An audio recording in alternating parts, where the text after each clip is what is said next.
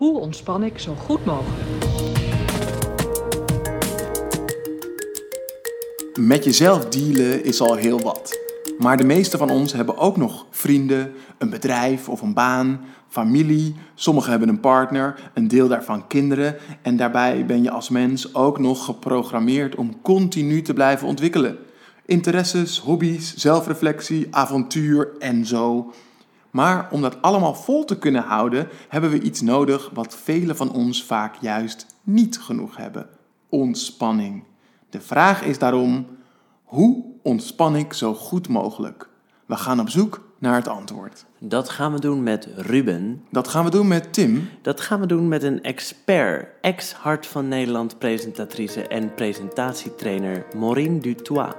En dat gaan we doen met een ervaringsdeskundige, burn-out ervaringsdeskundige en coach Fleur Brunninghuis. Laat de norm geen uitgangspunt zijn voor je eigen keuzes. En laat je het zicht op jouw idealen niet ontnemen door de waan van de dag.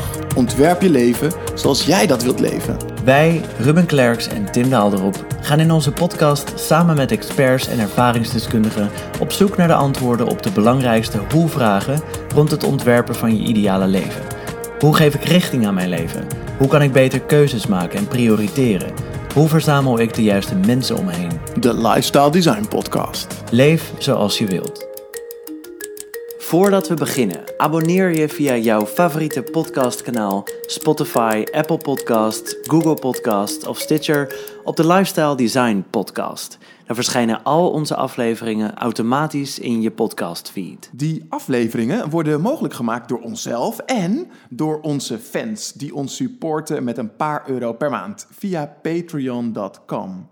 Wil jij ook onze podcast supporten door patron te worden? Ga dan naar patreon.com slash lifestyle design podcast. Hoe ontspan ik zo goed mogelijk? Laten we er eerst maar eens even wat onderzoek bij pakken. Als je helemaal niet ontspant en een burn-out hebt, CBS en TNO over burn-out. 1,4 miljoen Nederlanders hebben burn-out verschijnselen. Jaarlijks ervaart 16% van de beroepsbevolking in Nederland burn-out klachten en symptomen.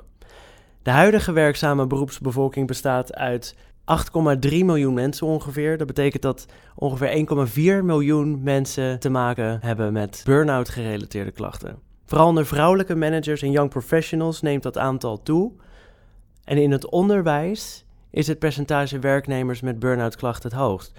1 op de 6 heeft te maken met burn-out klachten. Dat komt onder andere door de hoge mate van emotionele betrokkenheid en de stress binnen dat werk. In de landbouw komen burn-out klachten het minste voor, bij 1 op de 10. Tijdelijke oproep- en infokrachten hebben minder vaak burn-out klachten, 16%, dan vaste arbeidskrachten, 17%. Bij uitzendkrachten is dat nog anders. Zij rapporteren vaker burn-out klachten, 21% dan vaste krachten. Nou, de kosten van burn-out zijn ook niet gering.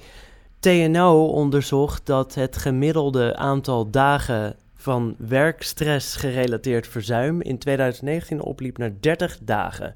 En dat was in 2015 nog 24 dagen. Verzuim kost dus veel geld, ongeveer 250 euro per dag voor de werkgever.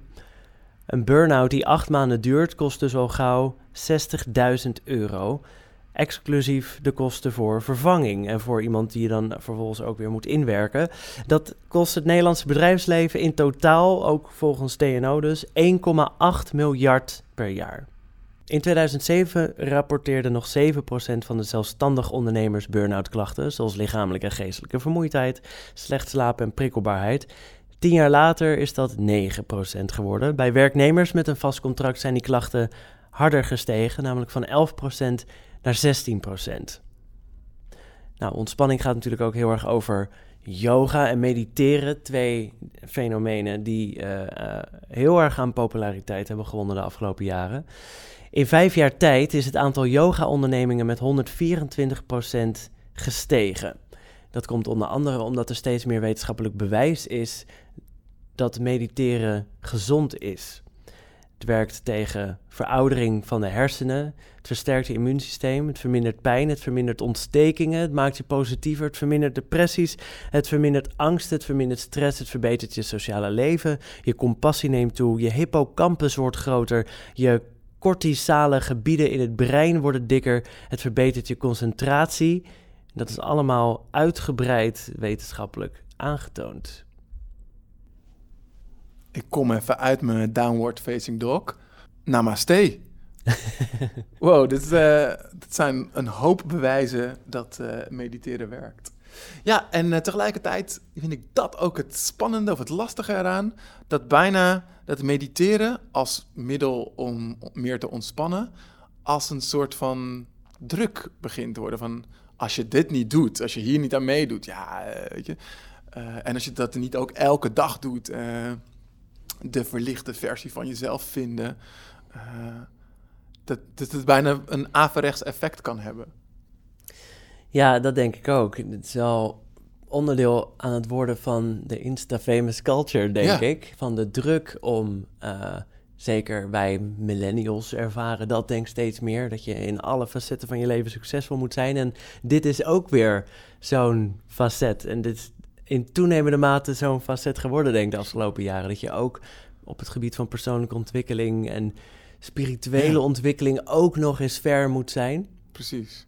Ja, dus ik vind, wat ik interessant hier aan vind, is dat de cijfers van burn-out, uh, van wat er gebeurt als je niet genoeg ontspant, zijn mind-blowing. En de kosten die inmiddels ook al lang en breed in kaart zijn gebracht, zijn gigantisch.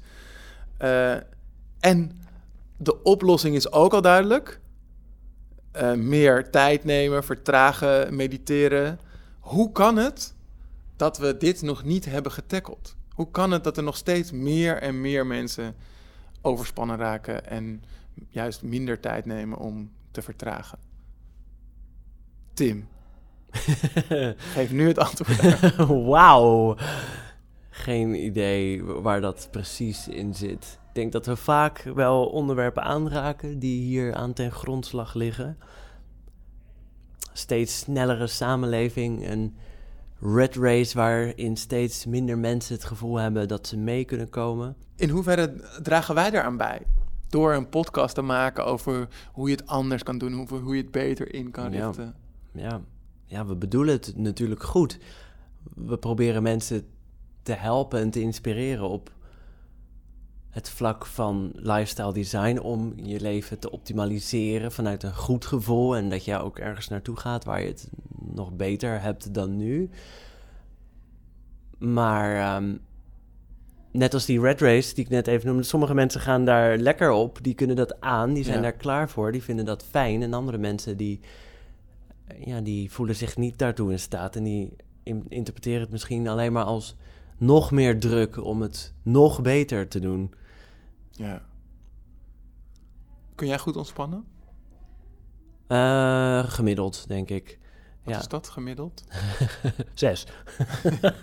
nee, nee, nee, vijf en Nee, ik vind het soms wel uh, soms lastig, soms niet. Ja en nee. nee uh, wanneer, wanneer vind je het lastig om te ontspannen? Als ik in een periode zit waarin ik veel werk en veel energie heb en daarmee veel doe, ik ben van nature ook niet iemand die veel stil zit. Ik vind het fijn om veel dingen te doen. Maar dan komt er ook een moment waarop ik dus ook makkelijk, of waar, waarop ik het ook moeilijk vind om daaruit te stappen en daarna dan niks te doen. Dan merk ik dat ik eigenlijk in dezelfde modus blijf, ook tijdens het doen van ontspannende dingen. Ja. Um, ja, dat, dat vind ik best wel lastig. En mediteren, heel cliché, maar dat helpt me wel heel erg goed met ontspannen. En vooral transcendental meditation, waar ik de afgelopen tijd uh, uh, veel mee bezig ben. Wat is dat? Maar dat is een veel te uitgebreid onderwerp. Oh, daar mogen we het nu niet over hebben. Nee, eigenlijk helemaal niet trouwens. Nee, uh, je verzint een voor jou niets betekenende klank. Die klank die herhaal jij in je hoofd met je ogen dicht. En that's all you do. Een soort van zelfbedacht mantra. Ja, dus ik heb nu Shaliom. En ik zeg alleen maar Shaliom, Shaliom, Shaliom. En door dat te doen, kom je vanzelf in een transcendental state of mind. En dat werkt fantastisch. Het is zo simpel. Je zegt alleen maar drie klanken. En dat zeg je omdat je alleen maar daarop concentreert, Ja. valt je mind als het ware in slaap. Omdat het niks te doen heeft. Want na tien keer Chalion weet jouw mind het ook wel. en na tien minuten denkt jouw mind, ja. Want wat is nu dan ga een- ik lekker ontspannen. En dat voelt echt ontzettend goed. Heel praktisch is het. En het werkt eh, echt lekker. En wat is dan een transcendental state of mind? Dus dat je ontspannen bent. Het voelt een beetje alsof je tussen slaap en wakker zijn in zit. Maar wetenschappelijk onderzoek heeft aangetoond dat mensen die aan het transcendental me- mediteren zijn, dat die hersenen vijf keer zo effectief uitrusten als iemand die in diepe slaap zit. Echt Wauw, ik ongelooflijk. ga dit ook proberen. Ja, kan ik je van harte aanraden. ja, het is echt pretty amazing. Ah. Ja.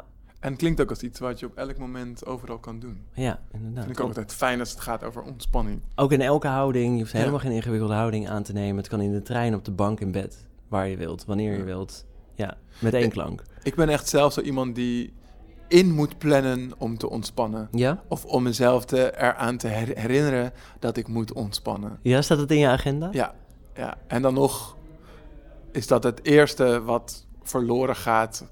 Of de eerste concessie die ik maak in mijn agenda als ik niet uitkom in mijn tijd. Daar hebben we het wel eens eerder over gehad. Ja. Eh, maar ja, dus En wat doe jij dan? Hoe ontspan je dan? Nou, dat is wel iets waar ik de laatste tijd eh, in ben veranderd qua aanpak. Eerst dacht ik, zeg maar, ontspannen moet echt zijn niks doen. En daarvan ben ik tot de conclusie gekomen, oké, echt niks doen, dat kan ik gewoon niet. Maar gelukkig heb ik ook geleerd dat bijna niemand dat kan. Echt niks doen. Ja. Eh, maar dus dat, ik heb dus ook geleerd dat je ook kan ontspannen door juist even eh, iets anders te doen wat, wat jou weer energie geeft. Dus en wat zijn dat dan voor dingen voor jou? Ehm, nou, dat kan bijvoorbeeld zijn eh, een boek lezen. Voor mij, wat het, het allerbeste werkt, gewoon wandelen. Gewoon even ja. En dan zelfs, soms sjoemel ik dan nog, dan ga ik wandelen en dan ga ik ondertussen nog doorwerken. Dus dan ben ik zo'n mafkees die met zijn telefoon voor zijn gezicht over straat loopt. Maar dan toch nog ontspant het me, omdat ik buiten ben in frisse lucht. Eh, dus het is beter dan niet naar buiten te zijn. En wat doe je dan als je wandelt en niet op je, tele- op je telefoon kijkt? Wat eh, ben je dan, wat ben je dan aan het doen? En dan sta ik veel meer open voor wat er aan prikkels binnenkomt. En dus dan kijk ik gewoon en dan laat ik dingen gewoon gebeuren. En dus, ja. En, en eh, eh, verzink je dan in gedachten over die prikkels? Ben je lekker zo'n beetje aan het mijmeren? Of Nou ja, da- da- daarin merk ik van dat ik, het, dat, dat ik het het moeilijkst vind om ook echt daar dan te blijven. Op, op de plek waar ik dan ben of in de omgeving die ik dan om me heen zie. Want het, het eerste wat er gebeurt is dat ik aan andere dingen ga denken. Bijvoorbeeld nog van mijn werk of van uitdagingen waar ik nog mee speel. Of gesprekken die ik met mensen heb gehad. Dus het gaat al heel snel, gaat mijn aandacht dan weer naar andere dingen toe. Waar ik nog misschien nog niet meer klaar mee was. Oké, en maar is dat dan ontspannen? Nee, dat vind ik dan niet on... Nou, ik vind het dan op dat moment niet per se ont- ontspannend. Maar het werkt wel goed om op de lange termijn beter te kunnen ontspannen. Want ik geef Ja. daardoor wel dingen een plekje. Of eh, dingen Ja. die ik misschien eerst niet los kon laten, kan ik dan daarna beter loslaten. En, oh ja, ik heb er nu nog over nagedacht. En, Oh ja. dus, eh, ja, ik geloof heel erg dat je om echt goed te kunnen ontspannen, moet je al die losse haakjes, al die, al- nee, al die onaffe eindjes moet je afronden. En zolang de- jouw brein nog eh, weet van er zijn nog eindjes niet afgerond, blijf je daarop terugkomen. En dat levert ook stress en afleiding op. Dus Ja. som- soms gewoon even dingen kunnen afronden. Of zou het kunnen zijn dat de sleutel juist is dat je tegen je brein zegt: Het is prima dat er open eindjes zijn, want dat, die zullen er altijd zijn. Ik denk dat het in de combinatie van die twee ligt. Ik bedoel, je kan natuurlijk nooit alle eindjes eh, afdichten. Maar ehm, je beseffen dat als jij dingen nog niet hebt afgerond, dat, dat jouw brein dus onbewust daarmee bezig blijft. Dat is wel, denk ik, iets wat handig is om te weten. Hè? Zoals bijvoorbeeld eh, David Allen, de eh, auteur van het befaamde boek eh, Getting Things Done, ook zegt. Is als je niet een systeem bouwt om zeker te weten dat je die losse eindjes ergens een keer gaat kunnen afronden, dan blijf je er altijd mee bezig. Dus door het even op te schrijven, kan het ook al helpen, kan je ook al meer ontspannen, kan je het eigenlijk ook loslaten. En dat je dan eh, een dag later, een week later of een jaar later pas op terugkomt. Ja, Dat maakt eigenlijk dan niet uit. nee, precies. Weet je wie er ook best wel goed kunnen ontspannen? Nou, Onze luisteraars. ja hè? Daar hebben we het aan gevraagd. Een 7,5 gemiddeld. Ja, we Ja. vroegen ze, geef eens een cijfer, cijfer voor eh, in de mate waarin jij zelf eh, goed kunt ontspannen. Ja, eigenlijk allemaal voldoendes op één iemand na. En dat was...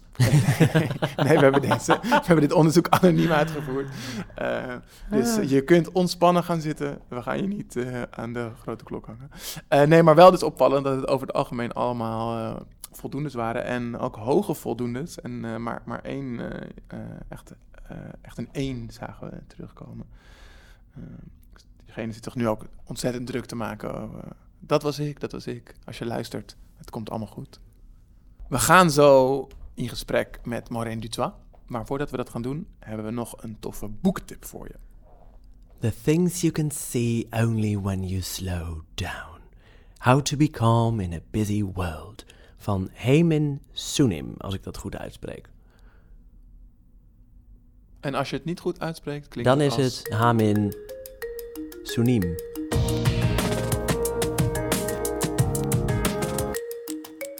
Maureen Dutois presenteerde jarenlang Hart van Nederland en De Smaakpolitie. Nu is ze niet meer te zien op televisie, maar minder druk heeft ze het niet. Ze werkt drie dagen per week als gastvrouw, schrijft kinderboeken, vlogt voor Gezondheidsnet, geeft yin-yogales en geeft presentatietrainingen. Misschien heeft ze daarom wel haar boek Rust in je leven geschreven, waarin ze onder andere advies geeft over het verminderen van schermtijd, over hoe je ontspant na een lange werkdag en over hoe je genoeg aan jezelf toekomt.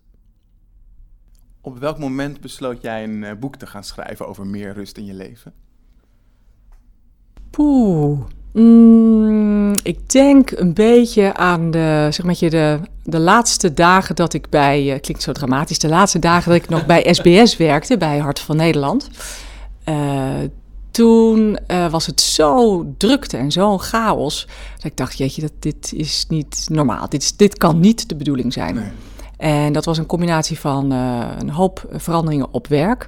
Mijn kinderen waren nog vrij jong. We hebben het alweer over bijna acht jaar geleden, negen jaar geleden. Ehm, ik deed van alles tegelijk, want ik vond ook dat ik dat kon.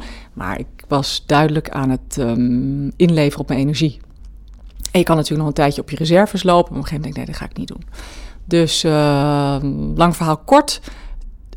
Ik weet niet of iedereen heeft meegekregen, maar ik ben toen uiteindelijk ontslagen bij SBS bij Hart van Nederland. Samen nog met, het, met eh, twee andere dames.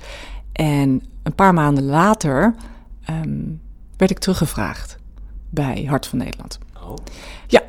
Ja, dat, dat was ook mijn reactie. Oh.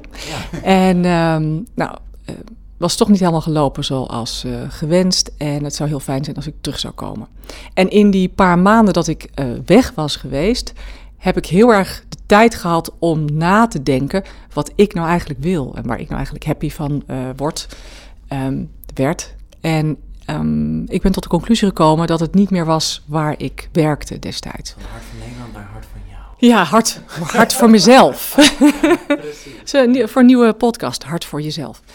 Met een T dan, hè? Ja, Ja, hard voor jezelf. En, ehm, en ik besefte dat ik eigenlijk bijna voor het eerst in mijn leven heel bewust koos voor waar ik eigenlijk zin in had. Want ik was eh, in al die, nou, twintig jaar dat ik bij de televisie werkte, ja, ooit begonnen als soapie bij eh, Goudkust. En eh, nou, toen bij eh, Hart van Nederland erin gerold, dat bijna twaalf jaar gedaan. Ehm, ik heb ook nog een tijdje bij de regionale omroep gewerkt, RTV Noord-Holland. Dat heet nu NH Media. Maar dat ik dacht, ja, nee, wat wil ik eigenlijk? En toen dacht ik, nee, dit wil ik niet meer. En ik heb de time of my life gehad en ik heb de beste vriendschappen daarop gedaan. Die heb ik gelukkig nog steeds met een paar dames van Hart van Nederland. En toen dacht ik, nee, ik ga andere dingen doen. En ik heb ooit, ehm, nog voor Hart, heb ik eh, een psychosociale opleiding gedaan. Toen dacht ik, ja, dat heb ik niet gedaan omdat ik niet geïnteresseerd ben in mensen en hun beweegredenen. En, eh, dus ik wilde me daar meer in gaan verdiepen. En toen kwam je op het idee om dat boek te schrijven. En toen was ik nog niet eh, bij dat boek, maar toen dacht ik, ja, ik ga dingetjes wel opschrijven. En uh, eventjes terug, terug, terug, zat ik zelf in de tijd, in een, in een fase van mijn leven, dat ik dacht, ik ben gesloopt, ik bijt op mijn nagels, ik heb migraine, um, veel last van mijn maag. Ik had gekke allergieën, op een gegeven moment kon ik niet meer tegen lactose en toen kon ik niet meer tegen gluten. En toen was het een allergie. Ik denk, ja, maar waarvoor heb ik die allergie? Omdat ik gewoon mezelf best wel jaren heb overbelast. Um, een soort burn-out waarschijnlijk. Nou, ik zat wel, ik denk dat je wel kunt spreken over een pre-burn-out. Mm -hmm. ja. Dus ik functioneerde nog wel. Kijk, als je echt burn-out hebt, dan ben je gewoon echt helemaal uh, dan lig je eraf. Bek kapot. Ja, ja, dan lig je na te ben eraf. Dan ben je uit de bocht ge gevlogen. En ik zat wel daarvoor. En um, dacht ik, nee, ga ik niet. Dus ik ga weer ik ga sporten, ik ga meer bewegen, ik ga bewuster tijd voor mezelf nemen. Maar ja, dat is nog best een uitdaging. Ja. Maar dan, zeg je, dat je dat je de bewust die tijd ging nemen toen je ook de tijd ervoor had? Of was je daar ook al mee bezig toen je in die drukte van SDS zat? Eigenlijk zat ik denk ik in, die laatste, in het laatste half jaar, voordat zeg maar, uh, alles een beetje tot een, tot een ontploffing kwam, zat ik al, wil, wil ik dit wel? Moet ik een keer ander werk gaan zoeken? Moet ik minder gaan werken? Um, soms heb je, uh, kijk, en dat is natuurlijk bij uitstek de televisiewereld uh, een wereldje voor. Je hebt de neiging jezelf een beetje te verliezen, want je wordt geleefd. Van interview naar interview, van uh, show naar show. Um, je moet er goed uit blijven zien. Je moet altijd blijven lachen en vriendelijk blijven. Terwijl je soms denkt, oh, ik ben gesloopt. Maar ja, kom op, door, door, door. En um, dacht ik, nee, dat, dat, wil ik ook niet meer. Dus het zat, het zat er al een beetje in. Ja. En in die hele periode ja. heb je toen ook dus al nagedacht, dingen opgeschreven. Ja. En toen kwam er een moment dat je een boek ging schrijven. Ja. ja. Ging schrijven. Ja. Waarom dat boek? Waarom daarover? Want er is hmm. veel over geschreven en er wordt veel over gezegd. Ja. Waarom dat boek? Nou, ik denk eigenlijk omdat vooral ik in mijn omgeving op een gegeven moment reacties kreeg van mensen van, nou, hoe doe je het allemaal? En uh, je bent uh, zo relaxed en uh, wat knap dat je gewoon voor jezelf hebt gekozen. En um, um, ik, ik, was heel erg bezig op een gegeven moment met, met voeding, want ik had zo last van mijn maag en ik bleek een glutenintolerantie te hebben. dus ik ging me helemaal verdiepen in wat eet ik nou eigenlijk en wat stop ik letterlijk in mijn lijf. Omdat je dat ik dat eigenlijk, ik was wel soort van gezond, maar we kennen het allemaal dat je eigenlijk niet meer heel erg stilstaat bij wat je eigenlijk echt in je opneemt. Um, en dan ja, dat werd een soort ja, uit de hand gelopen hobby. Ik heb nog een tijdje bij um, uh, een, een, een, bedrijf gewerkt, een soort start-up dat uh, fitnessprogramma's maakte die je online kon volgen. Trouwens, ideaal in deze tijd. Ja. En uh, daar was ik, zeg maar, daar bedacht ik alle recepten en die schreef ik uit. dus ik ging me telkens meer verdiepen gewoon in gezonde leefstijl, lifestyle. En langzaam maar zeker dacht ik, ja, maar ik moet dingen opschrijven. Uh, maar ik ben verder niet een certified, uh, hoe noem het, ik ben geen diëtist, uh, ik ben geen fitnessinstructeur. Ik ga het schrijven wat vanuit mijn optiek, wat voor mij werkte. Wat voor jou werkte. Ja. Het zijn honderd dingen geworden. Zo, ik zit nu inmiddels op, nee, ja, 105. Nee, het zijn zeker, ik heb aan het einde van het boek um, ehm, 100 tips geschreven. Ja. En dat zijn zeg maar tips die je gewoon elke dag kunt doen. En dat gaat dan iets verder dan Uh, schrijf elke dag op waar je, uh, voor drie dingen waar je dankbaar voor bent. Dat, dat weten we nou wel, dat mm -hmm. dankbaarheidsdagboek. Maar gewoon hele kleine dingetjes als um, zet een van je lievelingsnummer op en dans één nummer lang helemaal uit je dak op oh, dat, dat nummer. Ja, het laatst nog gedaan, werkt perfect. Heerlijk, ja, hè? Ja. ja. En als je nou nog slim bent en als je de tekst kent, want ik, ik, ik blair vaak de tekst mee, maar die klopt dan niet. dat hoor ik dan van mijn dochters. Maar um, als je er ook nog bij zingt, is het nog beter. Ja. Worden allebei je hersenhelften worden opgelicht, eh, blijkbaar of gestimuleerd. En wat is voor jou dat nummer? Um, uh, jeetje, ik heb zoveel. Ik vind Simply the Best van Tina uh, Turner. Tina. Uh, I Wish It Would Rain Down van Phil Collins. Dat is ook zo dramatisch. Ja. Yeah. Heerlijk. Het moet lekker dramatisch zijn. Heb je ja. bombastisch, ja. hoor ik al wel. Ja, ja. ook hele goede. Of voor mij part Rut Chacot. Hè? Als je gaat, ga dan snel. Weet je, dan gaan lekker blaren. dat de buren denken, wat gebeurt hier? Maar gewoon één nummer. Um, dat soort tips, ja. Ja, gaaf. Kun je ja. nog een paar noemen? Wat, wat zijn verder nog? Ik vind deze wel heel leuk. Hmm. Luisteraars willen vast nog een paar. Ja. Uh, wat heb ik nog meer bedacht? Um, ja, weet je, je hebt... ik weet niet hoeveel tutorials op YouTube dat je denkt van wat zal ik nou eens gaan doen? Wat zal ik nou eens leren? Eh, is dat, uh, en dat kan variëren van een Bob Ross tutorial, dat je gewoon even naar de action gaat, wat olieverf haalt en denkt dat ga ik ook proberen. Tot um, uh, probeer eens een moment te hebben dat je naar buiten gaat en dat je alles ziet, alles ruikt, alles voelt, alles ervaart. Dus eerst kijk je om je heen, wat zie ik eigenlijk? Wat voel ik eigenlijk? Wat ruik ik eigenlijk? Dus je gaat je zintuigen gebruiken. En dat hoeft ook maar, je hoeft er niet, ik bedoel, ga naar buiten, ga je balkon, je tuin in. Um, of maak inderdaad een, uh, um, een, een kort verhaaltje voor jezelf. Hou een dagboekje bij. Het is, jeetje Mina, uh, je kan van alles bedenken. Alleen het grappige is dat je heel veel dingen, um, je neemt er vaak de tijd niet voor. Ja. Ja. ja. Of je bedenkt het niet en dan denk je, oh ja, dat, oh, dat is een leuk idee. Ja. ja. Want dat is, dat, dat vinden wij ook wel het interessante aan dit onderwerp. Mhm. Je zou kunnen zeggen, we vinden bijna allemaal dat we te weinig tot rust komen. Mhm. En we weten ook bijna allemaal wel een aantal echt goede tools Ja. om tot rust te komen. Ja, Maar op een of andere manier inderdaad Ja. ehm, eh, komen we er niet aan toe. Dus ja. dat is vaak Hoe kom je daar dan? Ja. Ja. Hoe Nou ja. je dat dan toch doen? Ik denk dat er een vraag nog aan vooraf komt en dat is, waarom ben ik eigenlijk zo druk? Waarom ben ik eigenlijk te druk? Waar merk je dat aan? Ja. Ehm, want je kan wel denken van, nou, ik moet eh, yoga doen, ik moet gaan mediteren, ik moet anders eten, wat dan ook. Maar dat is Nog dus... meer dingen om Ja, ik moet, no moet, Ja. moet, moet.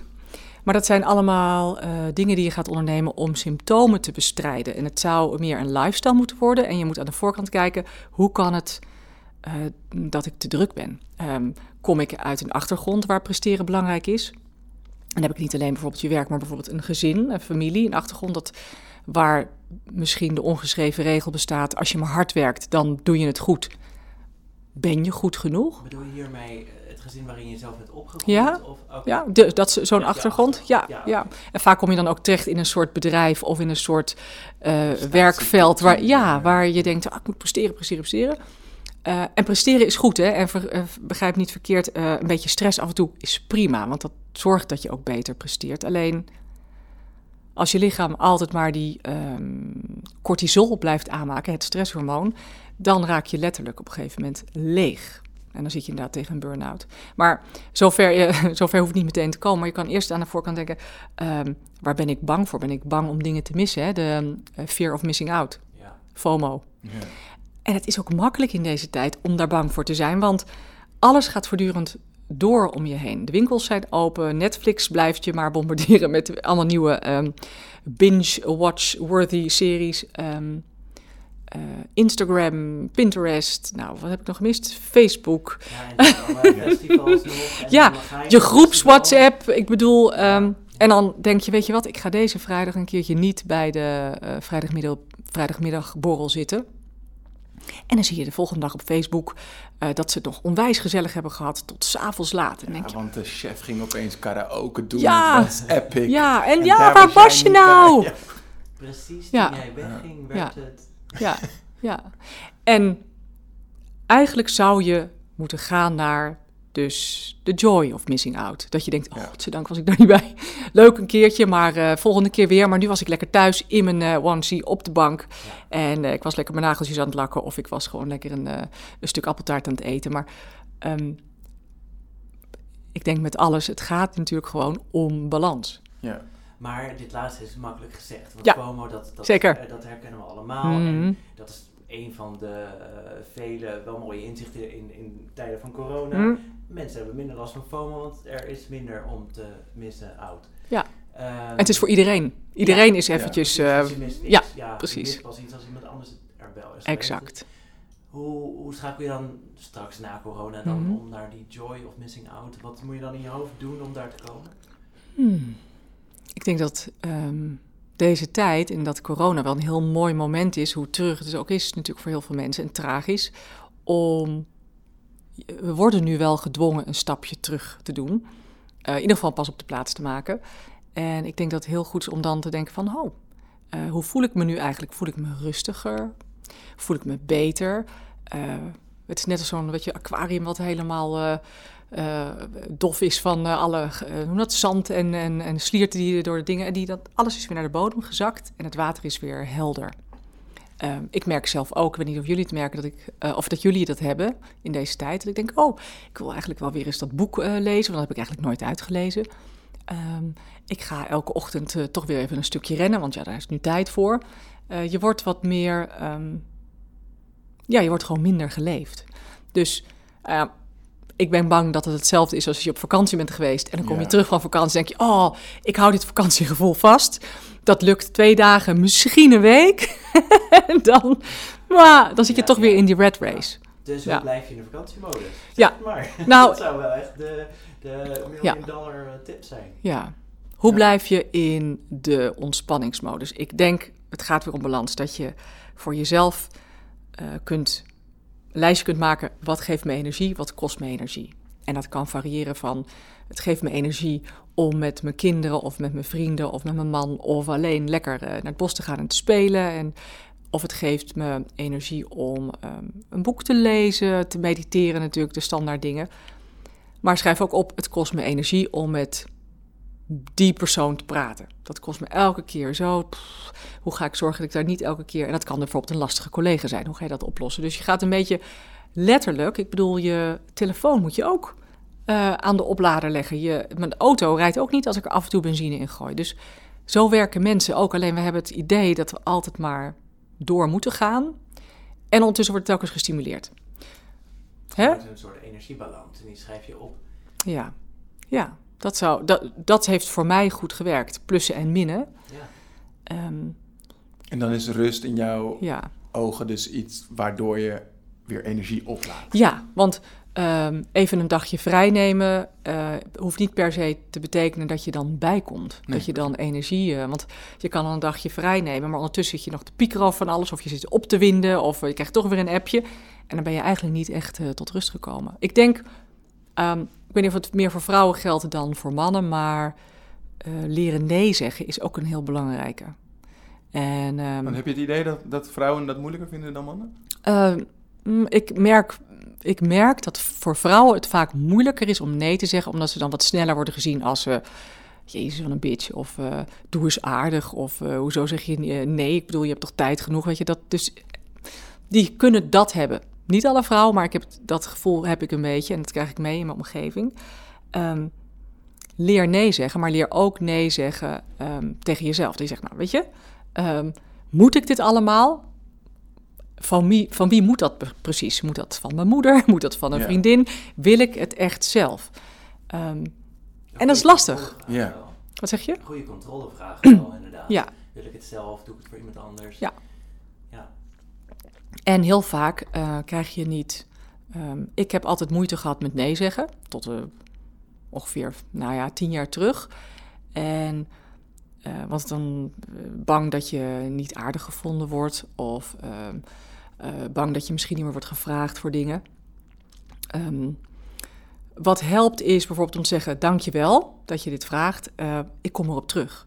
Of vind je het goed dat ik je zo even terugbel? Dat je jezelf, maakt niet uit. het kan ook iets positiefs zijn. Hè? Van ah, ga je morgenavond gezellig met z'n allen chillen? En dan denk je, ja, leuk. Dan dacht je, oh nee, ik ben eigenlijk hartstikke gesloopt. Of ik had eigenlijk iets anders aan, aan iemand anders al beloofd. Ah, dan moet ik het allemaal doen. Dus eh, als je weet dat je iemand bent die het moeilijk vindt om nee te zeggen, ruim dan tijd in. Ja, dat Ja. je jezelf eigenlijk tijd gunt of tijd creëert voor jezelf Ja. om Ja. ook een ander antwoord te Hm. te Vaker nee zeggen, Mhm. controlevraag, tijd inruimen. Ja. Dat zijn handige dingen, inderdaad. Ehm, Nou, wat zijn de dingen waar jij dagelijks mee te maken hebt? Of dat je soms denkt, "Hé, had ik nou maar niet dat gedaan? Of waarom heb ik het nou in één keer zo druk? Of heb je dat niet? Dat weet ik niet. Dat weet ik niet. nou, dit zijn wel de dingen, inderdaad. Mhm. Te veel sociale afspraken maken. Mhm. En ehm, dat merk ik nu in tijden van corona. Dat, dat er iets minder sociale afspraken zijn. Ja. Waardoor ik, eh, en dat wist ik eigenlijk al wel, maar nu ik het een aantal weken achter elkaar, ik denk altijd heel erg in weken, Mhm. meemaak zelf dat ik twee avonden helemaal voor mezelf heb. Oh, goed, ja. Zonder mijn vriend. Ja. Dat ik merk dat ik daar heel erg veel aan heb. Dat ik daar heel Ja. goed op ga. En dat ik in de ochtend, omdat ik nu echt altijd eh, vanuit huis werk en Mhm. nooit meer op locatie, Hm. ehm, dat ik veel tijd in de ochtend neem om een aantal dingen te doen waarvan ik weet dat ze goed voor me zijn. Eh, onder andere mediteren, maar ook sporten, thuis sporten dus. Een beetje aanlummelen vaak is ook lekker. Ook, ja. En de tijd voor je ontbijt. En pas Ja. daarna, na al die dingen, eh, je telefoon aan te zetten. Ik merk dat dat eh, zo'n groot verschil maakt. Mhm. Dat, dat moet ik straks vasthouden. In. Ja. Ja. Oh, goed. Je hebt hartstikke goede tips gegeven. Ja. Ja. De, de, de start van je dag. Ik Ja. heb hetzelfde idee dat die dus echt cruciaal is voor hoe de rest van je dag verloopt. Ja. Hoe ziet dat er bij jou uit? Wat, wat kun jij de luisteraars daarin nog meegeven? Eh, ik heb heel lang gehad dat ik echt het... Ja, een deadline fucker kan je dat dan wel noemen. Maar dat ik het echt dacht, nou weet je, moet ik om kwart over acht moet ik de deur uit. Als ik dan wel mm, half acht op, dan kan ik precies aankijken. Ja. Nou, en dan zat je, en dan kwam er natuurlijk altijd nog iets tussen. Of er was een kind die iets eh, kwijt was, of ik was zelf wat kwijt. Of de, de, er was altijd toch nog iets waardoor je dan toch nog echt met zeg maar ehm, eh, de adrenaline uit je oren nog in de auto zat op weg naar werk. En het helpt zo goed als je gewoon inderdaad een kwartiertje eerder je wekker zet. Dus eh, als je denkt, nou, ik ben iemand die gemiddeld een uur nodig heeft om ehm, uit mijn bed te komen en eh, klaar te zijn voor werk of eh, de deur uit te gaan, maak er dan een uur een kwartier van. Dat je nog eventjes, want ik vind het heerlijk. Ik ga kwart voor zeven eruit, ga ik even naar be- beneden, drink een kopje thee, ik pak de krant. en dan om een uur of zeven maak ik de kids wakker. En dan heb ik toch even het kleine kwartiertje gehad om even op te, Ja. op te starten. Hè? Katten Ja. even een aai over een bol te geven. En ehm eh, start van een dag is wel essentieel. Want als je al inderdaad al met eh, gierende banden wakker wordt, of meteen, daar ben ik ook mee gestopt. Ik ben gestopt met eh, meteen mijn, ik zet s'nachts mijn telefoon altijd op vliegtuigstand. Ik ben gestopt met die, zodra ik wakker word of de wekker gaat, meteen van vliegtuigstand af. En dan word je gebombardeerd met Ja. mailtjes en appjes en sms'jes en dingen van gisteren. En dan denk je, oh, en dan moet je meteen weer van alles. En ik denk met name in de ochtend ben je best wel open nog en vrij scherp en helder. Dan word je eigenlijk meteen met al die energie eh, loop je vol. Ja. En dat wil je Ja. eigenlijk niet. Ja. Ja. Ja, wordt ook vaak aangeraden hè, om dan eigenlijk je, Mm. je mail pas eh, na een uur of tien of zo Ja. te lezen. Zodat Ja. je die eerste Ja, momenten van de dag eh, Ja. gebruikt voor jezelf. Om zelf ook je precies. dag te bepalen. Want Ja. anders laat je je Ja. ritme bepalen door die mailbox. Ja, absoluut. Ja. Absoluut. Het ook wel mooi dat je zegt dat het begin van die dag, dat, dat, dat, dat het zo belangrijk is. Maar ik zat erover na te denken dat het ook eigenlijk geldt voor, voor elk volgende afspraak die je hebt. Dat je, steeds weer een nieuw begin kan maken. Mhm. En het feit dat je dus vaak te laat komt of tegen die deadline aan beweegt, maakt eigenlijk al dat je het begin van die afspraak eigenlijk ook al Ja. door iemand anders of door een ander. En in je hoofd zit je dan, dan zit je in een meeting en eigenlijk zit je alweer van, oh, ik heb zo meteen de volgende Exact, meeting. ja. Het- En dan eigenlijk moet je even een stukje gaan lopen. Of je drinkt even een kopje thee. Al ga je even naar de wc. Ga je even lekker plassen of niet. Je gaat in ieder geval even naar de wc. Dat Ja. je even tijd neemt, al is het twee minuten. Dat je inderdaad even een soort van schone lei kan maken. En weer met andere energie Ja. een volgende meeting. En nou, ik bedoel, dat suggereert dat ik van de ene meeting naar de andere meeting ga. Dat helemaal niet. Maar het is wel iets wat... ehm, als jij niet jouw leven bepaalt en jouw tijd indeelt... doet de omgeving dat Precies. voor je. Ja. Uh, en dat is prima als je vijf bent. maar als je ze 25 bent, dan is dat toch wel. Um, is het prettiger als je zelf dat kunt bepalen. En als er dan een calamiteit tussendoor komt, prima. Maar dan is niet. Dan word je letterlijk dus niet geleefd. Wordt niet voor jou ingevuld hoe jij eigenlijk je tijd in moet delen. Ja, en dat is niet alleen onprettig, maar dat is ook onproductief. Mm-hmm. Mensen denken altijd, nou, als ik nou zoveel mogelijk in één dag prop, dan ben ik het meest effectief. Terwijl dat is funest voor je creativiteit, Ja. waardoor je ook veel minder productief Ja. bent. Ja. En als je Ja. drie uur achter elkaar werkt, er, er komt op een gegeven moment veel minder uit dan wanneer je een kwartiertje tussendoor gaat lopen. Ik deed dat wel altijd. Dan dacht ik, weet je, dan heb ik die dag, heb ik de hele dag, en doe ik zoveel mogelijk. En dan heb ik lekker eh, de volgende dag om dat te doen. Maar omdat ik die dag dus helemaal tot het nokkie had gevuld. En eh, sliep ik daarna slecht. En de volgende dag was ik zo eigenlijk eh, naar de kloten. Dat ik die dag dus weer niet kon gebruiken. Dus weer balans. Ja. Dus ehm, Ja. ja. inderdaad. Ja, ja. Ja, ik hoorde ook wel eens iemand zeggen dat als je niet genoeg tijd neemt voor jezelf of die Mhm. rust te maken, dat het, dat het eigenlijk een teken is dat je jezelf niet goed genoeg waardeert. Als je wel je tijd besteedt aan anderen Mhm. eh, en voor hun in de stress zit, maar Mhm. dat niet voor jezelf doet, Ja. dat het dus eigenlijk een, een onderwaardering van jezelf is. Ja. Wat eh, vind jij daarvan? Nou, vind ik een hele goede vraag, omdat eh, onder andere heb ik het in mijn boek over ehm, wat maakt dat je zo druk bent. Oké, eh, misschien eh, hè, dat, het, dat je dat mee hebt gekregen vanuit huis uit. Van als je maar druk bent, ben je belangrijk en kan je misschien geld verdienen en, eh, en veel en rijk worden en word je dus gelukkig. Of is het om een onderliggende of onderliggenden problematieken te, ja, ja, te verstoppen eigenlijk. Ja. Dus ehm, ben je eigenlijk bang om iets te voelen? Heb je nog iets te verwerken? Ik bedoel, er zijn natuurlijk mensen die ehm, nare dingen hebben meegemaakt, die zich volop in hun werk storten of in een totaal eh, destructieve relatie. Ehm, en dus, de kun, dus je kan, als je maar ergens mee bezig bent, dan hoef je daar niet mee bezig te zijn, wat, wat natuurlijk wel eigenlijk aan je kan vreten. Dus eh, of je dan niet genoeg van jezelf houdt, dan is het waarschijnlijk zo dat je op dat moment niet genoeg tijd wil nemen. Dus dan, je houdt wel van jezelf, maar je hebt eigenlijk geen zin of je bent er niet aan toe nog om dat toe te laten. En Ja. Eh, je merkt wel vaak dat mensen, ehm, tenminste als je dan die verhalen leest van mensen die echt in een, in een burn-out zijn geweest, dat die echt helemaal het roer omgooien. Dat ze denken, ja, maar dit wil ik nooit meer. En je leert veel beter naar jezelf luisteren. En je leert veel beter dat je denkt, nou weet je, ehm, ehm, waarvoor ben ik zo druk? En waarvoor moet ik het, het hoogste woord hebben in een gesprek? En waarom ga ik opeens vijf dagen achter elkaar eh diëten, sporten? Wat is er aan de hand? Ehm, gelukkig heb je er goede therapeuten voor. Eh, als je mazzel hebt, heb je goede vrienden of een vader of moeder of broer die zegt: Hallo, wat ben je allemaal aan het doen? Gaat het wel goed met je? Die kunnen spiegelen. Ehm, nou, en zijn die er niet, dan heb hopelijk dat iemand dan een keertje gewoon een boek openslaat en denkt: hey, misschien moet ik eens een keer wat ehm, meer rust voor mezelf nemen. Of misschien wordt het een keer tijd. weet je, eh, als jij iets hebt, stel je bent je vader of je moeder verloren, of, of, of je broer of zus aan een ernstige ziekte. En je gaat daarna, ga je maar door eh, met je werk en met al je sociale activiteiten, omdat op dat moment fijn is, op dat moment helpt het je. Maar op een gegeven moment helpt het je niet meer. Dan is het heel moeilijk om dat Ja. uit te zetten. En dan is het heel fijn dat iemand zegt, joh, maar wat je hebt meegemaakt is eigenlijk best wel pittig. Hoe ga je daar eigenlijk mee om? Hoe ga en ehm, als je helemaal los bent van je gevoel, zeg je, ah joh, dat gaat wel prima, en door, en ik neem een biertje en we gaan naar de film. Eh, maar soms kan het dan net aankomen en dan kan iemand gewoon eventjes instorten. Dan denk je, ja, potverdorie, ik heb dat eigenlijk nooit goed verwerkt. Ja.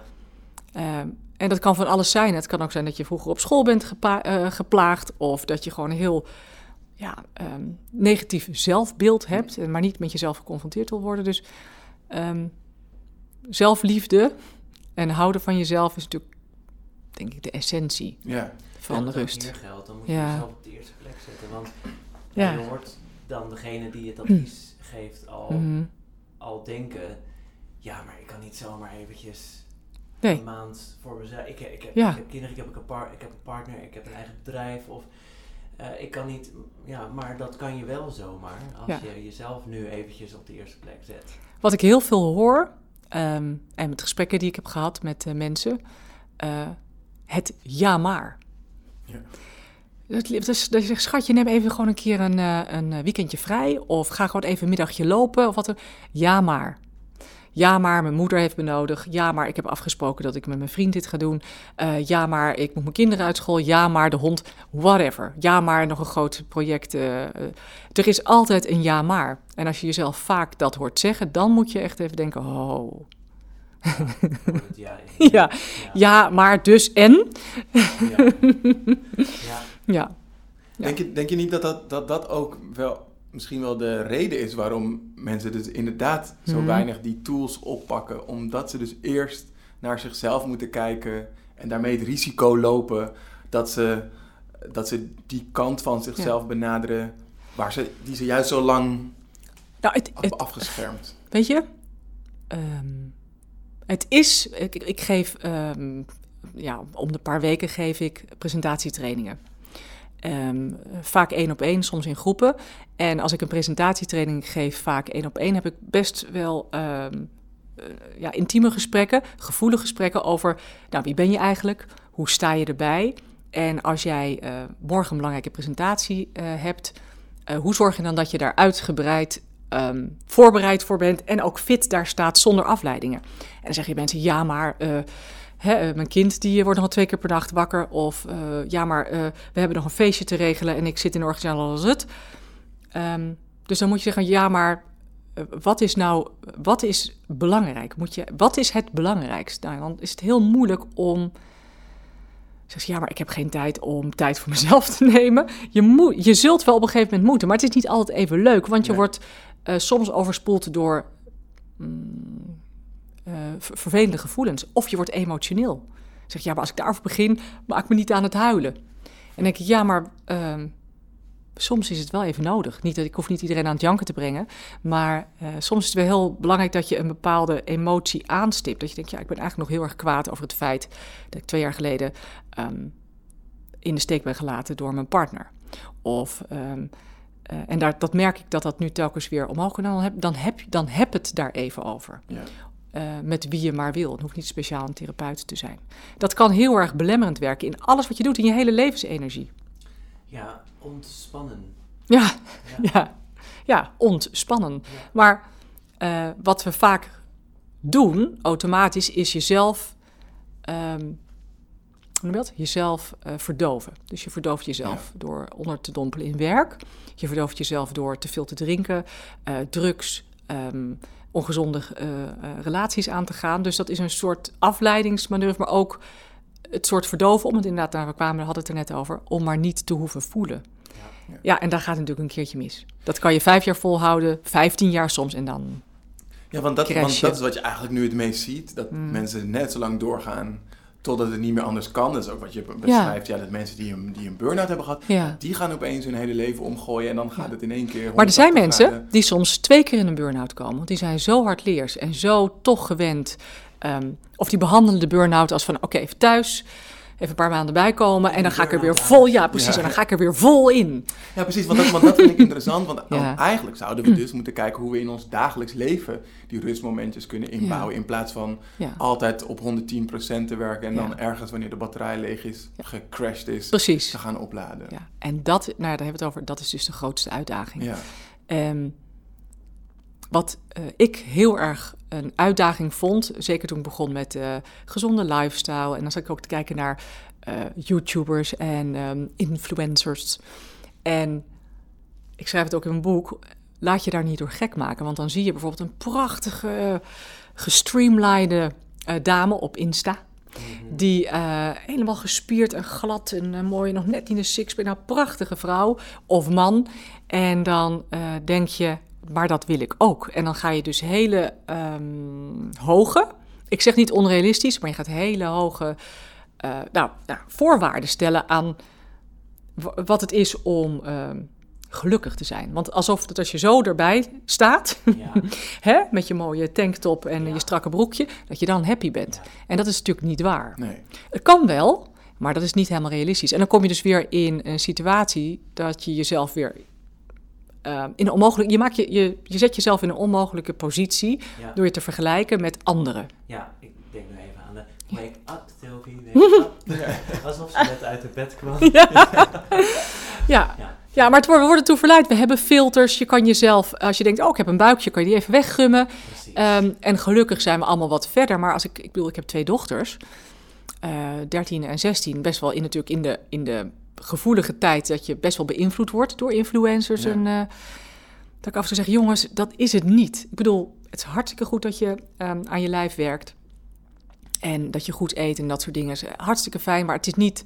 Je doet het niet alleen voor dat ene fotootje op Insta. Ik bedoel...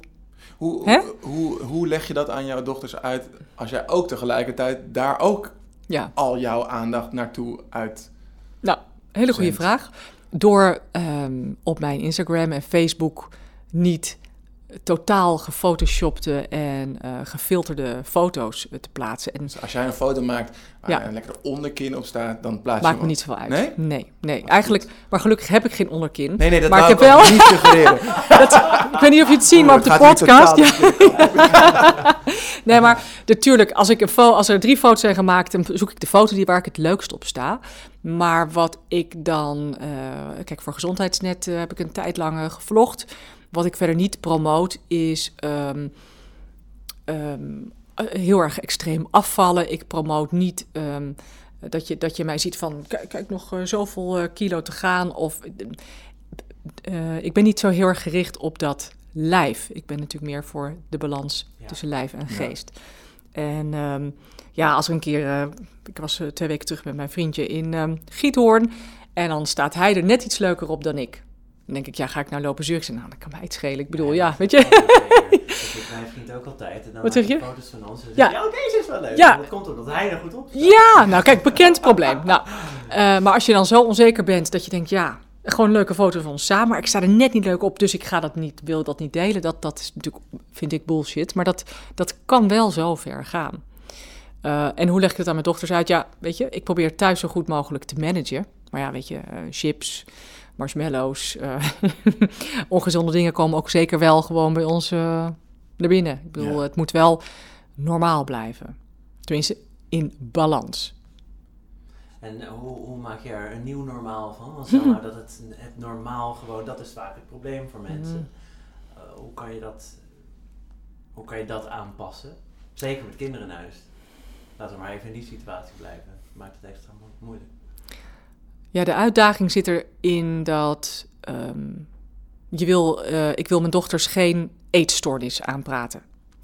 Dus um, ik wil ook niet uh, op elk uh, zeggen, dat is zoveel calorieën en de chocola en de chips en dat is vet en zo. Ja, had je niet, ja precies, dat, dat ze denken, oh. Dus dat wil ik voorkomen. Ik zorg gewoon dat ik niet altijd alles in huis heb en op vaste dagen wel. En we gaan niet vijf dagen in de week um, uh, met alleen maar groenten en, en soja en dat soort dingen. Weet je, we hebben elke vrijdag de P-dag, pizza, pannenkoek, patat. Alle drie tegelijk. En alle drie tegelijk. Nou, als het zou kunnen, zouden ze het doen, ja. Zie je de balans? Ja, ja precies. Of peentjes. ja. ja, peentjes. Maar dat is een goede, zou ik eens mee moeten komen. Ja, yay! yay! Nou, dat was dus niet de bedoeling. Nee. Brak. Ja. Um, ja, dus weet je, probeer het, het, het extreme eruit te halen. En uh, uh, het moet wel gewoon kunnen af en toe een chipje. Ja. Of een patatje. Uh, ja, dat moet gewoon kunnen, vind ik. Hey, en stel nou dat je tegen een punt zit dat je denkt, dit, dit gaat volgens mij niet goed. Wat, wat, is de vraag die je zelf kan stellen? Um, Op wat voor een gebied bedoel je? Je merkt te veel ja. spanning, te weinig ja. ontspanning. Ik zit niet lekker meer in mijn vel. Ja. Um, er moet iets veranderen. Ik weet niet precies wat. Hmm. Ik weet ook niet waar ik moet beginnen. Welk, wat is dan de vraag die je jezelf moet stellen? Va ik weet, weet, dat dat bij mij vaak is als ik te weinig tijd heb genomen voor mezelf.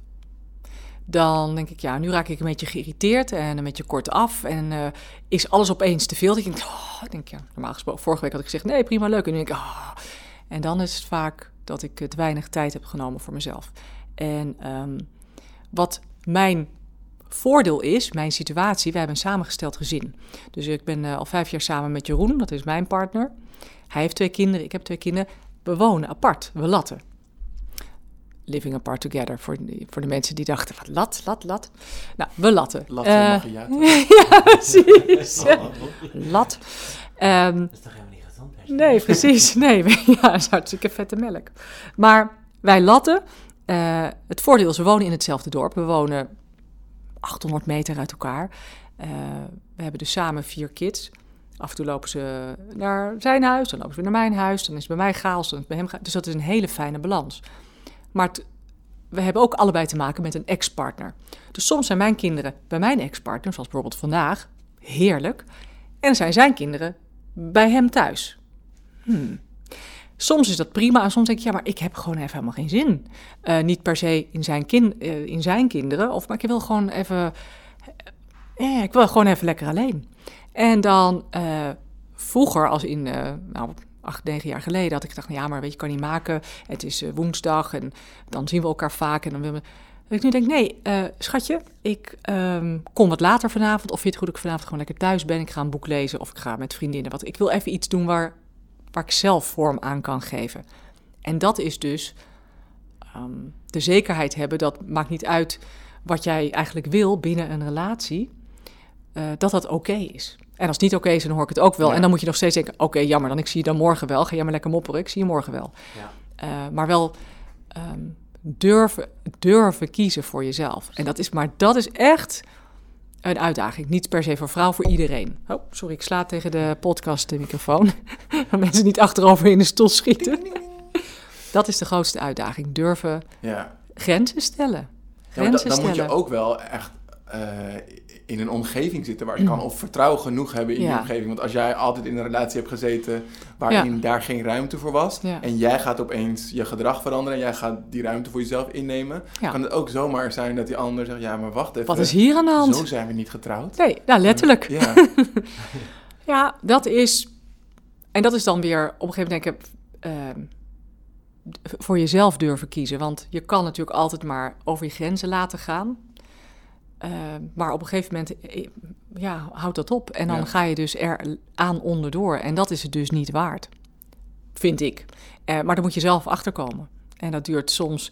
Waarom komen mensen telkens in een, dezelfde verkeerde relatie terecht? Of waarom zoeken ze telkens toch weer, komen ze in situaties, denk je, hoe kan het? Is ze nou alweer bij zulk soort werk? Of heeft ze nou alweer zo'n vriendje of eh, eh, vriendin? Denk ik, hè? Hoe kan dat? Ja, dat, iedereen heeft zijn eigen weg. zeg je En dat op- ook wel eens tegen de mensen om jou heen? Dus als je dat bij vriendinnen bijvoorbeeld con- constateert? Heb je nou alweer? Dat ik denk, jeetje, weer zo'n narcist. Waar ben je mee bezig? Ehm, ik heb inmiddels geleerd dat ik mm, het- het- niet zomaar mijn advies geef. maar dat ik, eh, als iemand daarom vraagt, dat ik wel gewoon zeg, nou, zo zie ik het. Ik of zo komt het op mij over. Ja, ja, ja, ja. Er zijn natuurlijk een levensbedreigende situaties. Dus ik denk, ja, je moet nu... Maar dat heb ik gelukkig nog niet meegemaakt. Maar ehm, nee, dat moet echt iemand wel meekomen of echt duidelijk zeggen... oh, wat ik nu heb meegemaakt. Dat ik zeg, nou, het is wel de derde keer dat ik dit gesprek met je heb, eh lief schat. Ja. Oh ja? Ik zeg, ja, dit is al de derde keer dat je het erover hebt. Het, oh ja, ja, ja. Ja, maar hij kan er ook niks aan doen. Ik zeg, oké. Maar het is wel de derde keer dat we dit gesprek hebben. Dus denk daar even over na. Kijk, je wil natuurlijk niet degene zijn, ik heb het nu dan specifiek over relaties, die een relatie crasht en dan zit je er in één keer tussen. Dat moet je helemaal voorkomen. Ja, Maureen zei je nog. eh, nee, dat eh, moeten we voorkomen. Ja, dat was jouw advies. Ja, ja. In een eh, Ja. depressie. Ja. Dat is ook jouw schuld. Ja. Dus niet zodra je de eerste foto Ja. op Instagram voorbij hebt zien komen. Volgens mij ben je weer met een narcist. Ja, precies. Nee, nee, nee. Dus eh, eh, mensen, weet je, en het, je kan al ehm, bij, een aantal ma- eh, bij een aantal mensen heb ik zien aankomen, die gaan een burn-out krijgen. 100% weet ik gewoon zeker. En dan kan je het al enigszins sturen, dus let erop dat je, eh, ja, ik slaap zo slecht. Ik zeg, ja, maar je drinkt eigenlijk de hele week elke avond één of twee glaasjes. Je slaapt eh, veel te kort. Dan heb je nog je kinderen, en het, nog je werk. En ik zeg, je moet ergens wel je rust. Ja, maar ja, ik bedoel, ik slaap wel wanneer ik dood ben. Dan denk ik, ja, oké, dan ben je er dus nog niet aan toe Ja. om even een toch... hele dikke ja, ja, maar. ja, precies. Ja, maar mensen ehm, vinden dat... eh, Ja, je wil eigenlijk niet een stapje terug doen. Want eh, vergis je niet, als jij de moeder bent... eh, of degene in een vriendengroep die altijd zorgt... dat dingen georganiseerd zijn, dingen regelt... de groepsapp eh, beheert, allemaal de dingen... Dus weet je, het is ook een soort verslaving, hè? Je trekt het allemaal naar je toe. Ja. Jij hebt het allemaal onder controle. Weer erkenning voor. Ja, oh Maureen, dat doe je Ja. fantastisch zeggen. Oh, en ondertussen eh, loop, loop je er zo bij met de wallen op je schoenen. Ja, weer een kwestie van jezelf ook een keertje op één zetten. Ja. Ja. Ja. Stel nou eh, dat jij als eh, verjaardagscadeau elke dag 15 minuten extra tijd krijgt. Maar de enige voorwaarde daaraan is dat je die tijd aan jezelf besteedt. Wat zou je dan in die 15 minuten doen? Jeetje. G- gewoon op die 24 uur die we hebben, krijg ik 15 minuten Ja, extra. elke dag. Elke dag. Elke dag. Jij alleen. Alleen ik. Wauw. Oh, is het dan ook, is het dan ook 15 minuten die je ook alleen doorbrengt? Of he- hebben, hebben de mensen om je heen ook 15 ja, minuten? we extra? sluiten het een beetje af met Mm. jezelf op één zetten. Dus, Ja. ja. Ja. Jeetje, wat een goeie. Ja, ik hou altijd zo van dat beeld van als je in een vliegtuig zit en de zuurstof valt weg, dan moet jij als eerste je kapje opzetten voordat je de rest kan helpen. Want als je eerst de rest gaat helpen, iedereen heeft zijn kapje op en jij valt neer. Het is gebeurd. Dus je kunt beter eerst jezelf helpen voordat je de rest kan helpen. Ehm, dus ja, ik ben dol op lezen. Ik ben dol op schrijven, um, breien. Word ik heel rustig van. Uh, tekenen, jeetje. Uh, eigenlijk is het maar 15 minuten. Lezen. Tekenen, ja. Terwijl je met een mondkapje opsport. ja, precies. Ik denk dat ik um, of ik wil lezen, of ik vind het heerlijk. Ik vind het altijd heerlijk om in de natuur voor me uit te staren. Dus naar een landschap te kijken. En dat mag zee zijn, oh, weet je wel, de zee die zo op de rotsen slaat, of het strand, of wuivende bomen. Of, uh, dat, dat word ik altijd het meest happy van, weet je, vogels die je zo ziet vliegen en zo. Dus iets met natuur. Het liefst ben ik dan in de natuur. Ja. Ja. Oké, okay, nou gaan we regelen. Ja. 15 minuten. ja. Nou, top. Nou, dankjewel. Ja, graag gedaan. Elke aflevering hebben we een verhaal voor je. Een verhaal van iemand die iets bijzonders heeft meegemaakt. En dat met ons, dus ook met jou, wil delen. Fleur Brunninkhuis kreeg in 2015 een burn-out. Maar juist op het moment dat de grond onder haar voeten leek te verdwijnen, ging er een wereld aan inzichten voor haar open. Ze veranderde van werk, verbrak haar relatie en begon voor zichzelf als burn-out coach op fleurbrunninkhuis.com. Mijn burn-out werd getriggerd toen ik op vakantie was in Bali. Ik was daar vijf jaar geleden met mijn toenmalige vriend. Um, ik had net een traineeship afgerond bij Albert Heijn. was een intensief jaar geweest. Um, en ik was er om te ontspannen. Maar natuurlijk hadden wij onze hele vakantie helemaal volgepland. Want we wilden alles zien. Um, dus ik kwam niet heel erg aan ontspanning toe. En daarbovenop, en dat was echt de trigger, uh, kreeg ik dengue, dus knokkelkoorts, op vakantie. En um, lag ik vervolgens een week in het ziekenhuis in Kuta in Bali, waar ik echt heel, heel ziek werd. Um, ik viel vijf kilo af, mijn haar viel uit, of een deel daarvan. ik... Nou, ik kreeg allerlei ontstekingen, ontstoken tandvlees. Ik was echt heel erg verzwakt. En ook toen ik uh, het ziekenhuis uitging, kon ik amper lopen. Dus dat geeft aan, hey, um, die denken had flink wat uh, aangericht ook in mijn lichaam.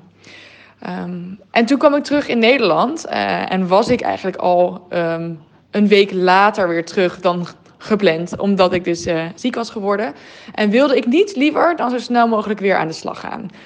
In mijn nieuwe baan bij Ahold, bij Albert Heijn als marketingmanager. Um, want ik had het gevoel, ik ben al een week langer weg geweest. En ik voelde me heel erg schuldig.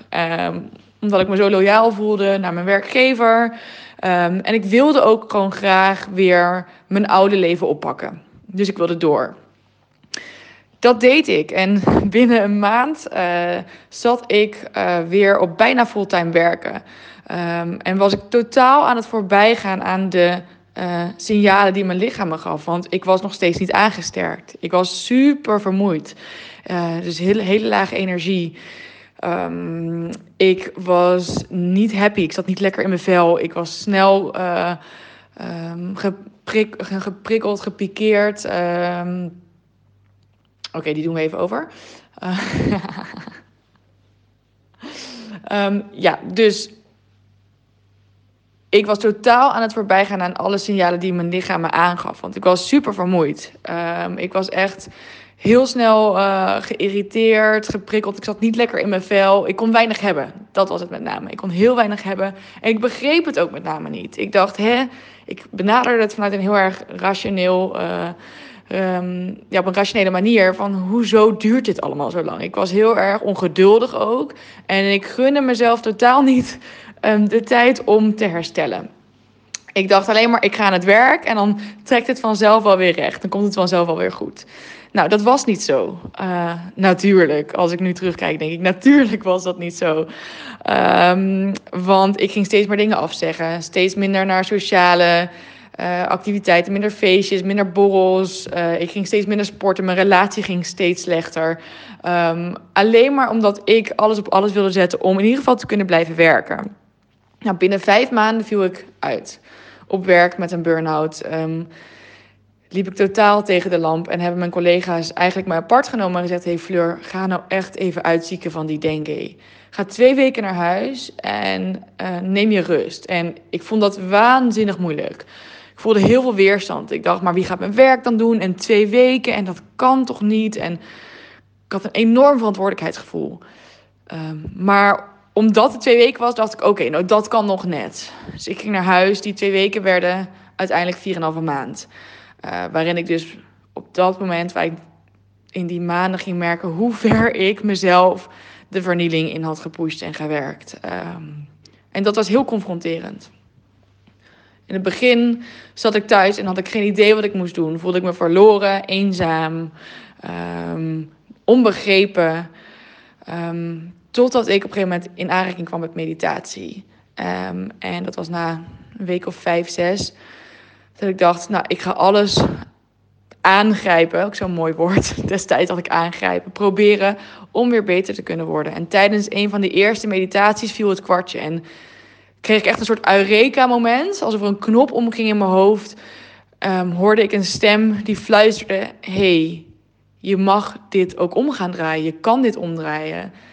Want je hebt dit ergens zelf gedaan. En dat betekent dat als je nu keuzes gaat maken die goed voor jou zijn, dat je ook weer beter gaat worden. En dat betekent luisteren naar je lichaam. Betekent luisteren naar de behoeftes die je hebt. Betekent dus alle tijd en ruimte gaan nemen voor jezelf om te herstellen. En dat was voor mijn zoon inzicht van wauw, ik ben zelf 100% verantwoordelijk voor mijn leven en voor mijn gezondheid. En als ik die verantwoordelijkheid helemaal neem, kom ik hieruit. En dat gebeurde.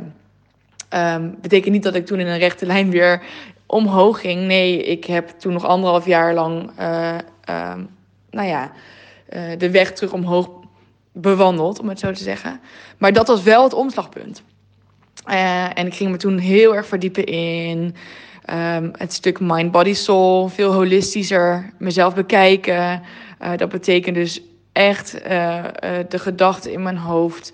Die zeiden, je moet weer aan het werk, hoe lang gaat het nog duren? Het stuk ongeduld, de weerstand die tot rust brengen door middel van meditatie met name. Ik ging veel yoga doen, ik schreef heel veel.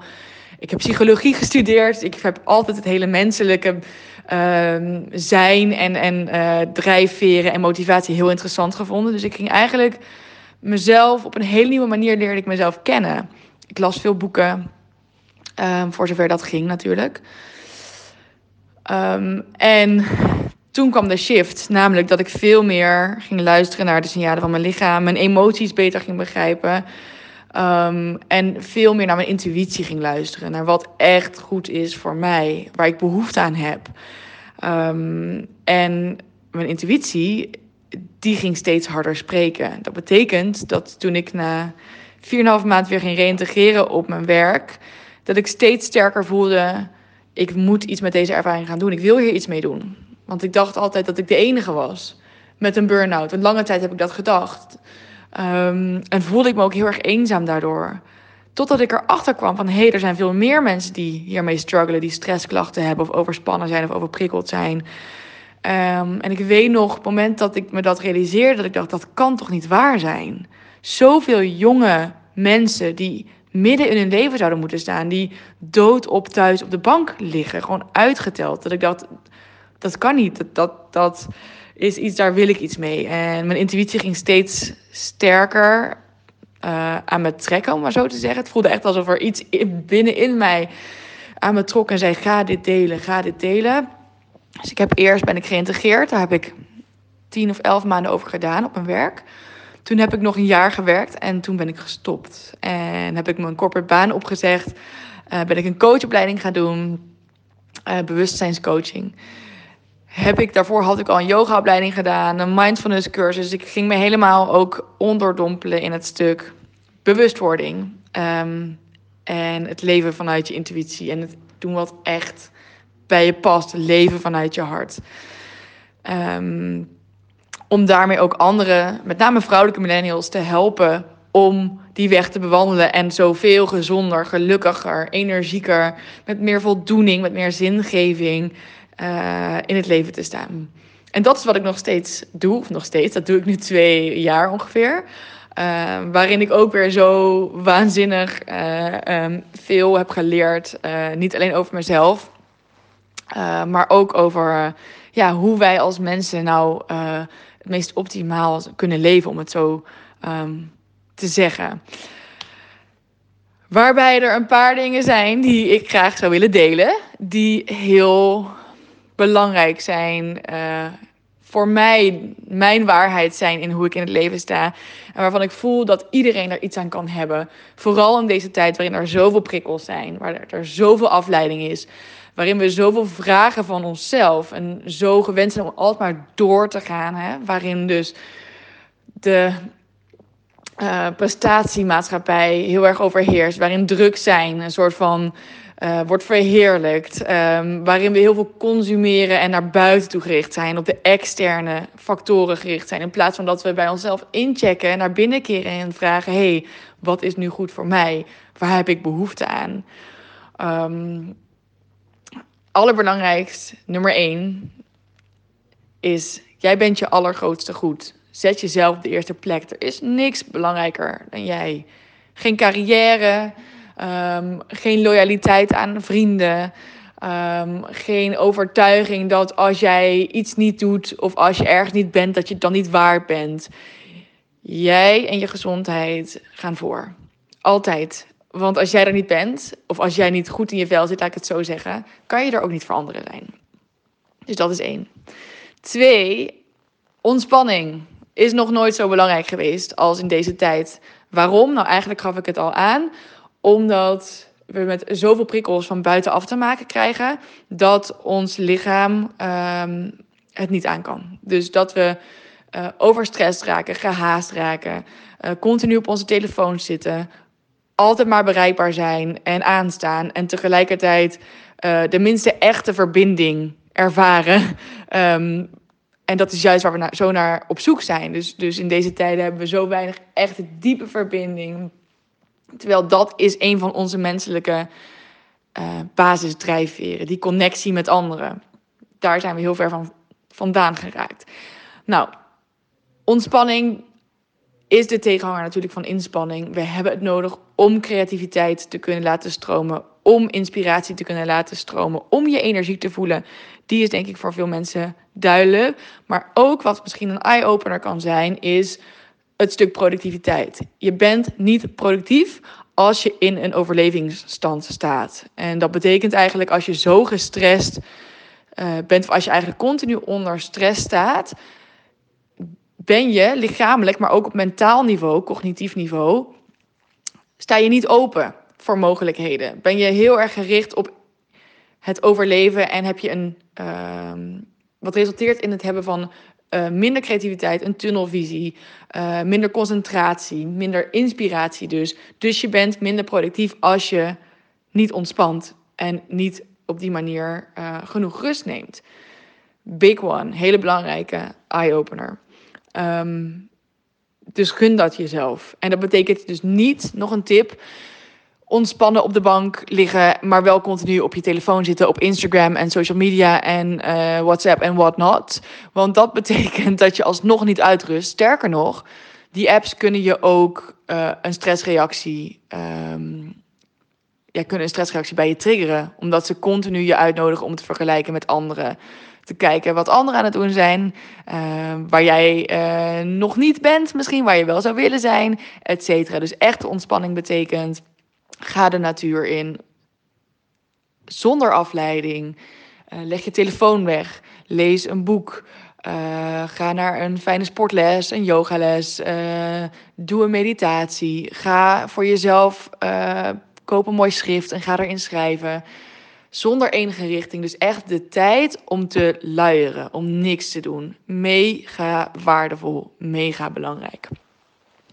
Laatste tip, ik heb hem al uh, aangeraakt, um, is um, het recept voor een gelukkig leven is leven vanuit je intuïtie. We zijn zo in onze maatschappij vanuit ons hoofd aan het leven. Dat hebben we zo geleerd, zo zijn we zo opgevoed dat de rationele kant het gewonnen heeft van de intuïtieve kant. En uh, juist teruggaan naar de intuïtie, dat je kompas laten zijn in je leven, het uitgangspunt en je gedachten daarachter scharen is het meest mooie, krachtige, duurzame wat je kunt doen. Ik noem het altijd volwaardig leren communiceren. En dat betekent niet alleen vanuit het hoofd, maar het totaalplaatje um, vanuit daar leven. Dus dat betekent je gedachten kunnen bekijken, ze zien voor wat ze zijn, maar ze ook tot rust kunnen brengen en kunnen voelen: hé, hey, wat speelt er nu bij mij? Welke signalen geeft mijn lichaam me? Voel ik me gestrest, ja of nee? Wat heb ik nu nodig? Welke emoties zitten er in mijn lichaam? Hoe voelen die? En wat willen die me vertellen? Dus echt volwaardig op alle niveaus mind, body, soul leren communiceren. En met soul bedoel ik het stuk intuïtie. Want intuïtie zit onder de gedachten, onder de lichamelijke sensaties, onder de emoties. Daaronder zit de zachte stem. Spreekt, fluistert, de zachte, liefdevolle stem van je intuïtie. Als je leeft vanuit je intuïtie, zal je nooit een burn-out krijgen. 100 Um, dus dat is de weg die we mogen bewandelen. En daarnaast, als je leeft vanuit je intuïtie, ga je een leven creëren waarin je zoveel meer energie, authenticiteit, dus echtheid, um, sprankeling ervaart. Um, omdat dat een leven is dat diep van binnen echt bij jou past. En dat niet is opgelegd door de verwachting van een maatschappij, van een ouder, van een omgeving, van een vriendin, van een buurvrouw. Nee, dat is echt de dingen doen, de relaties aangaan, de keuzes maken die voor jou goed zijn. Dat zijn mijn drie tips. Ik hoop dat jullie er wat aan hebben. En um, ja, dat was hem. Hoe ontspan ik zo goed mogelijk? Hmm. Huh. Ja? Oké, oké. Laten we er even heel anders naar kijken. Stress is toch juist goed, in zekere mate. Het stelt ons toch in staat om meer te bereiken dan normaal. Hoe kijk je er dan tegenaan? Dat je je wel druk genoeg moet maken. Dat je niet moet doorschieten in je ontspanning ook. Dat je ook wel van de bank af moet komen. En dat als je denkt, ik voel me gestrest, dat het niet per se een probleem is.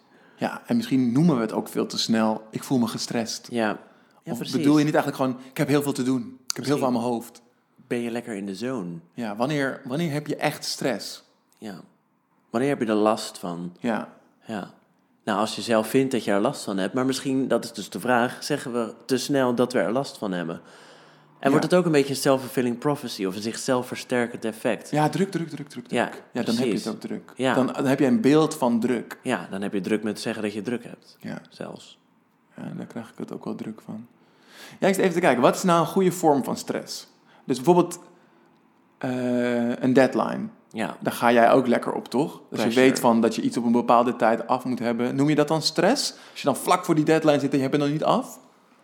Nou, wel sneller dan nodig is, denk ik inderdaad. Als ik eerlijk naar mezelf kijk, dan zeg ik te snel wel. Oh, ik heb het heel druk. Oh, ik, ik voel me gestrest. Ik, uh, ik heb geen tijd hiervoor. Ik heb geen tijd daarvoor. Terwijl, heb jij het wel eens meegemaakt dat je het uiteindelijk niet afkreeg? Of dat je shitty werk afleverde? Nee. Nee, eigenlijk nooit. Ik heb, ik heb altijd dat ik dingen veel te ruim inplan. Dat ik er steeds weer achter kom dat ik voor niks heb gestrest omdat nog ik erger. uren nodig heb. Nog erger dus. Dus je hebt en stress ja. voor een deadline die je niet eens die ik makkelijk ga halen. Nadert, ja. precies, die je dus makkelijk die, nadert. Precies, dus die stress is niet eens functioneel. Maar de, ja, dat is hij dus wel.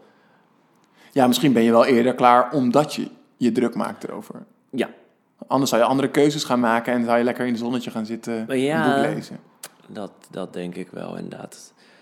Maar ik had ook met minder stress dus gewoon iets meer de tijd kunnen nemen. En dan ja, heb je minder Ja. last en waarschijnlijk ook een beter resultaat nog. Ja, denk je? Ja, Maar doe je dan ook bijvoorbeeld wel eens, als je dus eerder klaar bent, dan eventjes het laten liggen en dan nog die extra tijd gebruiken om nog een keer ernaar te kijken? Of is het, als het af is, is het af en ga ik er niet nog een keer naar kijken? nou kijk altijd nog een, überhaupt een tweede keer naar. Dus Want als je Dat- zegt dat, het, dat je beter werk had geleverd als je minder stress had gehad, dan is die overlap aan tijd een soort van schatkamer. Daar kan je nog meer uithalen. dat is waar.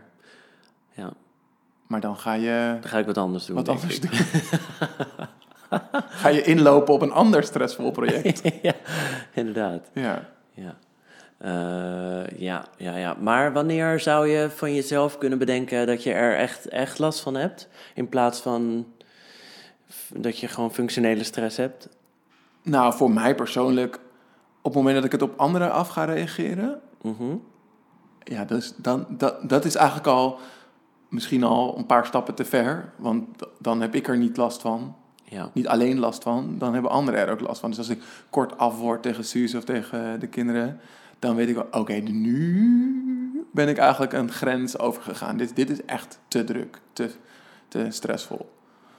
Ehm, maar ik merk bijvoorbeeld ook, mijn stress herken ik aan dat ik gewoon geen ruimte meer heb in mijn hoofd om aan andere dingen te denken. Ja. Kunnen soms echt hele futiele dingen. Don't fucking bother me Ja. met een boodschappenlijstje op dat moment. Ja. Of zo, weet je? Dan kan ik echt geagiteerd reageren. En ik zeg geagiteerd omdat het netjes is. Ik bedoel, ik reageer gewoon, ik reageer gewoon fucked up. Ja, je klinkt nu zelfs Ja. geagiteerd. Ga dan ook Engels praten en schelden. ik zit helemaal in dat moment. Oh, jezus, ik zie het ook aan je. Ja, ja. E- Even rustig. ja. Ehm, Terwijl, eh, tuurlijk heb je ruimte voor dat boodschappenlijstje op dat moment. Eventjes. Maar je hebt besloten, ik ben gestrest, ik kan er niks meer bij hebben. Dus wat er Ja. dan ook op me afkomt, daar heb ik geen tijd voor. Terwijl, natuurlijk heb jij tijd om tegen Suus te zeggen... dat er ook nog broccoli in de winkelmand moet straks. ja, En dan reageer jij geagiteerd. ja.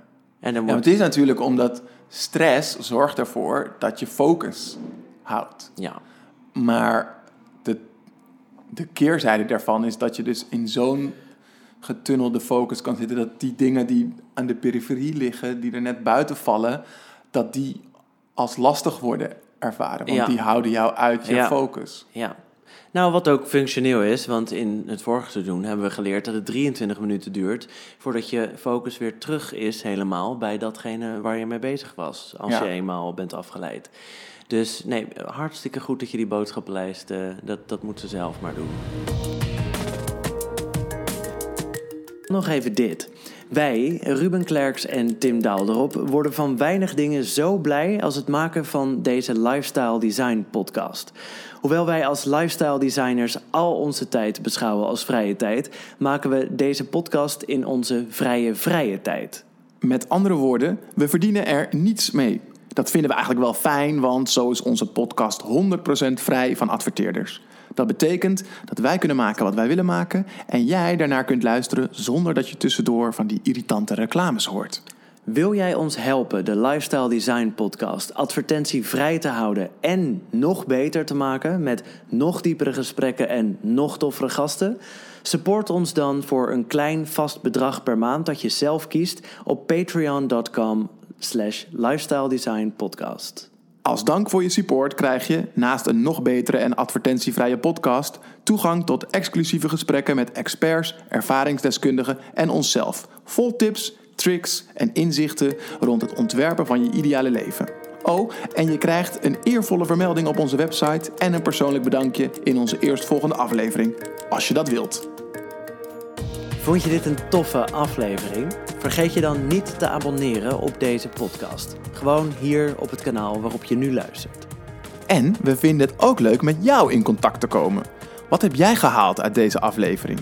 Hoe heeft het jouw leven verbeterd? Deel het met ons. Mail ons op hallo at lifestyledesignpodcast.nl Volgende week gaan we op zoek naar het antwoord op de vraag: hoe weet ik wanneer het genoeg is? Ja, dan spreken we met ex-seksverslaafde en psycholoog slash filosoof Matthijs Kruk en horen we het verhaal van perfectionist en lifecoach Julianne Verrijken. Tot volgende week!